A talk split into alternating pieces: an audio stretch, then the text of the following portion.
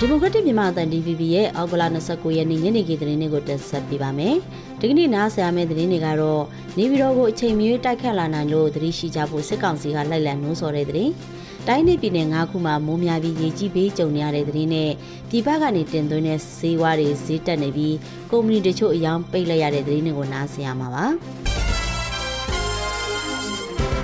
နေပြည်တော်ကောင်စီနယ်မြေကိုပြည်သူ့ကာကွယ်ရေးတပ်ဖွဲ့ PDF တွေအချိန်မီတိုက်ခတ်လာနိုင်လို့ဌာနဆိုင်ရာနဲ့ကြေးရွာအုပ်ချုပ်ရေးအဖွဲ့တွေအနေနဲ့သတိရှိကြဖို့အောက်ကလ28ရက်နေ့မှာစစ်ကောင်စီလက်အောက်ခံဗိုလ်မှူးကြီးမင်းနောင်နဲ့အဖွဲ့က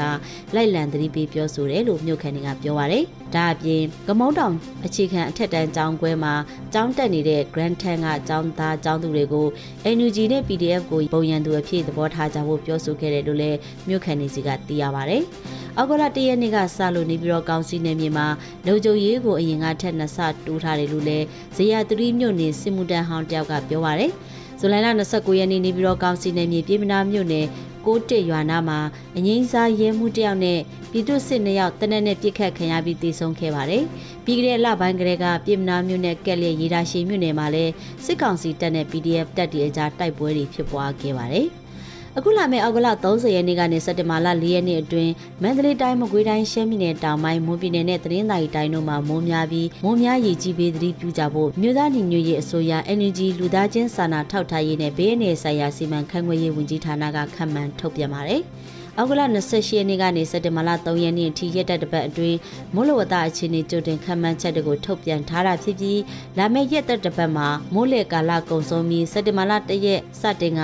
အနောက်တောင်မုတ်တုံတွေဟာတပြီလုံးကစုတ်ခွာမဲ့နေ့ရက်ဂျာကာလကိုမွန်နှောင်းကာလလို့သတ်မှတ်နိုင်မှာဖြစ်ပါတယ်။ လာမယ့်ရက်သက်တစ်ပတ်မှာဒီပြည်လုံးမှုတ်တုံတွေအားပြတ်တာကနေပြန်လည်အားပြိုလာနိုင်တဲ့အခြေအနေကိုရောက်ရှိလာနိုင်ပြီးမြန်မာနိုင်ငံအောက်ပိုင်းဒေသတချို့မှာနေရာကွက်ကြားကနေနေရာအတော်များများဒေသအလိုက်မိုးကြီးနိုင်တယ်လို့လည်းခန့်မှန်းထားပါတယ်။မိုးကြီးတာနဲ့အတူနောက်ဆက်တွဲအကျိုးဆက်အဖြစ်မြစ်ချောင်းတွေမှာမြစ်ရကြီးတာမြို့ပြကြေးရွာတွေမှာရေဘေးမြေပြိုဘေးနဲ့လမ်းတရားတွေထိခိုက်ပျက်စီးတာတွေကိုသတိပြုသွားလာနေထိုင်သိကြောင်းလည်းသတိပေးထားပါတယ်ရှင်။ ပြည်တွင်းမှာနိုင်ငံခြားငွေလဲလှယ်နှုန်းမြင့်တက်တာ၊ကုန်စည်နှုန်းမြင့်တက်တာနဲ့အတူပြည်ပကတင်သွင်းတဲ့ဆေးဝါးတွေအကုန်ဈေးတက်နေပြီးပြီးခဲ့တဲ့ရက်ပိုင်းကကုမ္ပဏီတချို့အယောင်ပိတ်တဲ့အထိကြုံတွေ့ခဲ့ရတယ်လို့ရန်ကုန်မြို့ခံဆေးဝါးနဲ့ဆေးပစ္စည်းလက်လီလက်ကရောင်းချသူတွေကပြောပါရယ်။ အောက်ကလ25ရက်နေ့အထိပြင်ပမှာအမေရိကန်ဒေါ်လာကိုမြန်မာကျပ်ငွေ3900ကျော်အထိဈေးပေါက်ရှိပါတယ်။အဲ့ဒီမတိုင်ခင်ဒေါ်လာဈေးဟာ3800ကျော်အထိတက်ခဲ့တာကြောင့်ဈေးကွက်ထဲမှာစေဝါပစ္စည်းတွေအယောင်ပြတ်တဲ့အထိ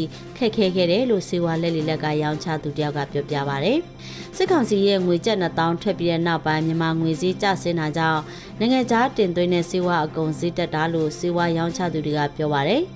ပုံမှန်တောက်သုံးနေကြစီးပွားတွေဈေးနှုန်းက2ဆကနေ3ဆအထိဈေးတက်နေပြီးဝယ်ရခက်တဲ့စီးကြိုစီးကြောက်ကက်စီနဲ့နှလုံးအားဆေးတွေအတွက်ဝယ်ယူဖို့လုံလောက်တဲ့ပမာဏမရှိတာကြောင့်ဆေးအယောင်းဆိုင်ကြီးတွေမှာရှာဖွေဝယ်ယူရတယ်လို့ရန်ကုန်မြို့နေပြည်သူတယောက်ကပြောပါတယ်။ဒါအပြင်ဈေးကွက်ထဲမှာရှာရခက်တဲ့ဆေးတွေကိုအိန္ဒိချင်းနိုင်ငံဖြစ်တဲ့ထိုင်းတရုတ်နဲ့အိန္ဒိယကနေဈေးကြီးကြီးပေးပြီးမှာယူသုံးစွဲနေရတယ်လို့လည်းပြည်သူတွေကပြောပြပါတယ်။ ကုန်စည်နှုန်းတက်တာနောက်ဆက်တွဲအနေနဲ့ဈေးကွက်ထဲမှာအရေးသွေးမမီတဲ့ပစ္စည်းအတုအပတွေပုံဝင်ရောက်လာနိုင်ပြီးအဲ့ဒီထဲမှာဆေးဝါးအတုအပတွေပါလာရင်ပြည်သူတွေအတွက်ကျန်းမာရေးစိုးရိမ်ရတဲ့အနေအထားရှိတယ်လို့လုပ်ငန်းရှင်တယောက်ကသုံးသပ်ပြောဆိုပါတယ်။ ကရင်ပြည်ရဲဌာနစတင်ဖွဲ့စည်းချိန်ကစပြီးဒီကနေ့အောက်ကလ28ရက်နေ့အထိနှစ်တာကာလအတွင်းရဲစခန်းရှိခုနဲ့လုံခြုံရေးရဲကင်း၄ခုဖွင့်လှစ်က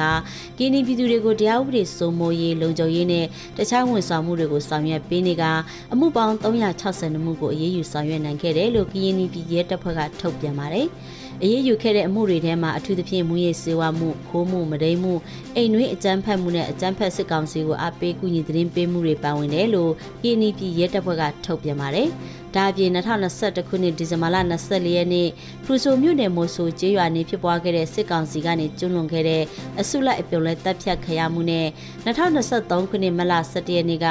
ပင်လောင်းမြို့နယ်နန်းနှင်းကျေးရွာဘုံကြီးကျောင်းမှာဖြစ်ပွားခဲ့တဲ့အစုလိုက်အပြုံလဲရက်ဆက်စွာတပ်ဖြတ်မှုတွေကိုကီနီပြည်ရဲဌာနကစုံစမ်းစစ်ဆေးပြီး NUG လူခွင့်ရေးဌာနနဲ့ချိတ်ဆက်ဆောင်ရွက်တာနိုင်ငံတကာရှိလူခွင့်ရေးဖွဲ့စည်းတွေပြည်တွင်းပြည်ပမီဒီယာတွေကိုချပြနိုင်ခဲ့တယ်လို့လည်းဆိုပါတယ်။2021ခုနှစ်အာဏာသိမ်းပြီးတဲ့နောက်ပိုင်းတရားဥပဒေစိုးမိုးရေးပြက်ပြားနေတဲ့အခြေအနေကိုပြန်လည်လှုပ်ဆောင်ရမှာအခက်အခဲတွေရှိနေသလိုဗန်နာရေးအခက်အခဲတွေနဲ့ရင်ဆိုင်နေရကြောင်းလည်းကီနီပြည်ရဲတပ်ဖွဲ့ပြောခွင့်ရသူကိုဘိုဘိုကပြောပါတယ်။ဆီယနာသိမ်းမှုကိုဖီဆန်ဆန့်ကျင်တဲ့ CDM ရဲတပ်ဖွဲ့ဝင်320ပါဝင်တဲ့ပြည်အနီပြည်နယ်ရဲတပ်ဖွဲ့ကို2021ခုနှစ်အောက်တိုဘာ25ရက်နေ့ကစတင်ဖွဲ့စည်းခဲ့တာဖြစ်ပါတယ်ရှင်။ စကိုင်းတိုင်းကလေးမျိုးတောင်ပိုင်းကစစ်ရှောင်းစခန်းမှာစစ်ရှောင်းနေကြတဲ့စစ်ရှောင်းပြည်သူတွေအနေနဲ့စံပြက်လက်တာနဲ့ကြုံနေရတယ်လို့ကုညီကယ်ဆယ်လှုပ်ဆောင်နေသူတွေကပြောပါရယ်စစ်ရှောင်းအိမ်တော်စုနေရာကျော်အတွက်စားဖို့ရာဆန်ရေးပေါ်လိုအပ်နေတယ်လို့လည်းကလေးမျိုးစစ်ဘေးရှောင်းကုညီနေသူကိုသူရိတ်စင်ကပြောပါရယ်ရေရှင်နဲ့အင်းကျုံကစစ်ရှောင်းတွေလောလောဆယ်စံတင်း80လောက်အကူအညီလိုအပ်နေတာဖြစ်ပါတယ်ကလေးတောင်ပိုင်းကစစ်ရှောင်းစခန်း10ခုကျော်မှာစစ်ရှောင်း3000ကျော်နေထိုင်နေပြီးစားနပ်ရိက္ခာလိုအပ်ချက်ရှိနေစေဖြစ်တယ်လို့သိရပါတယ်ရှင်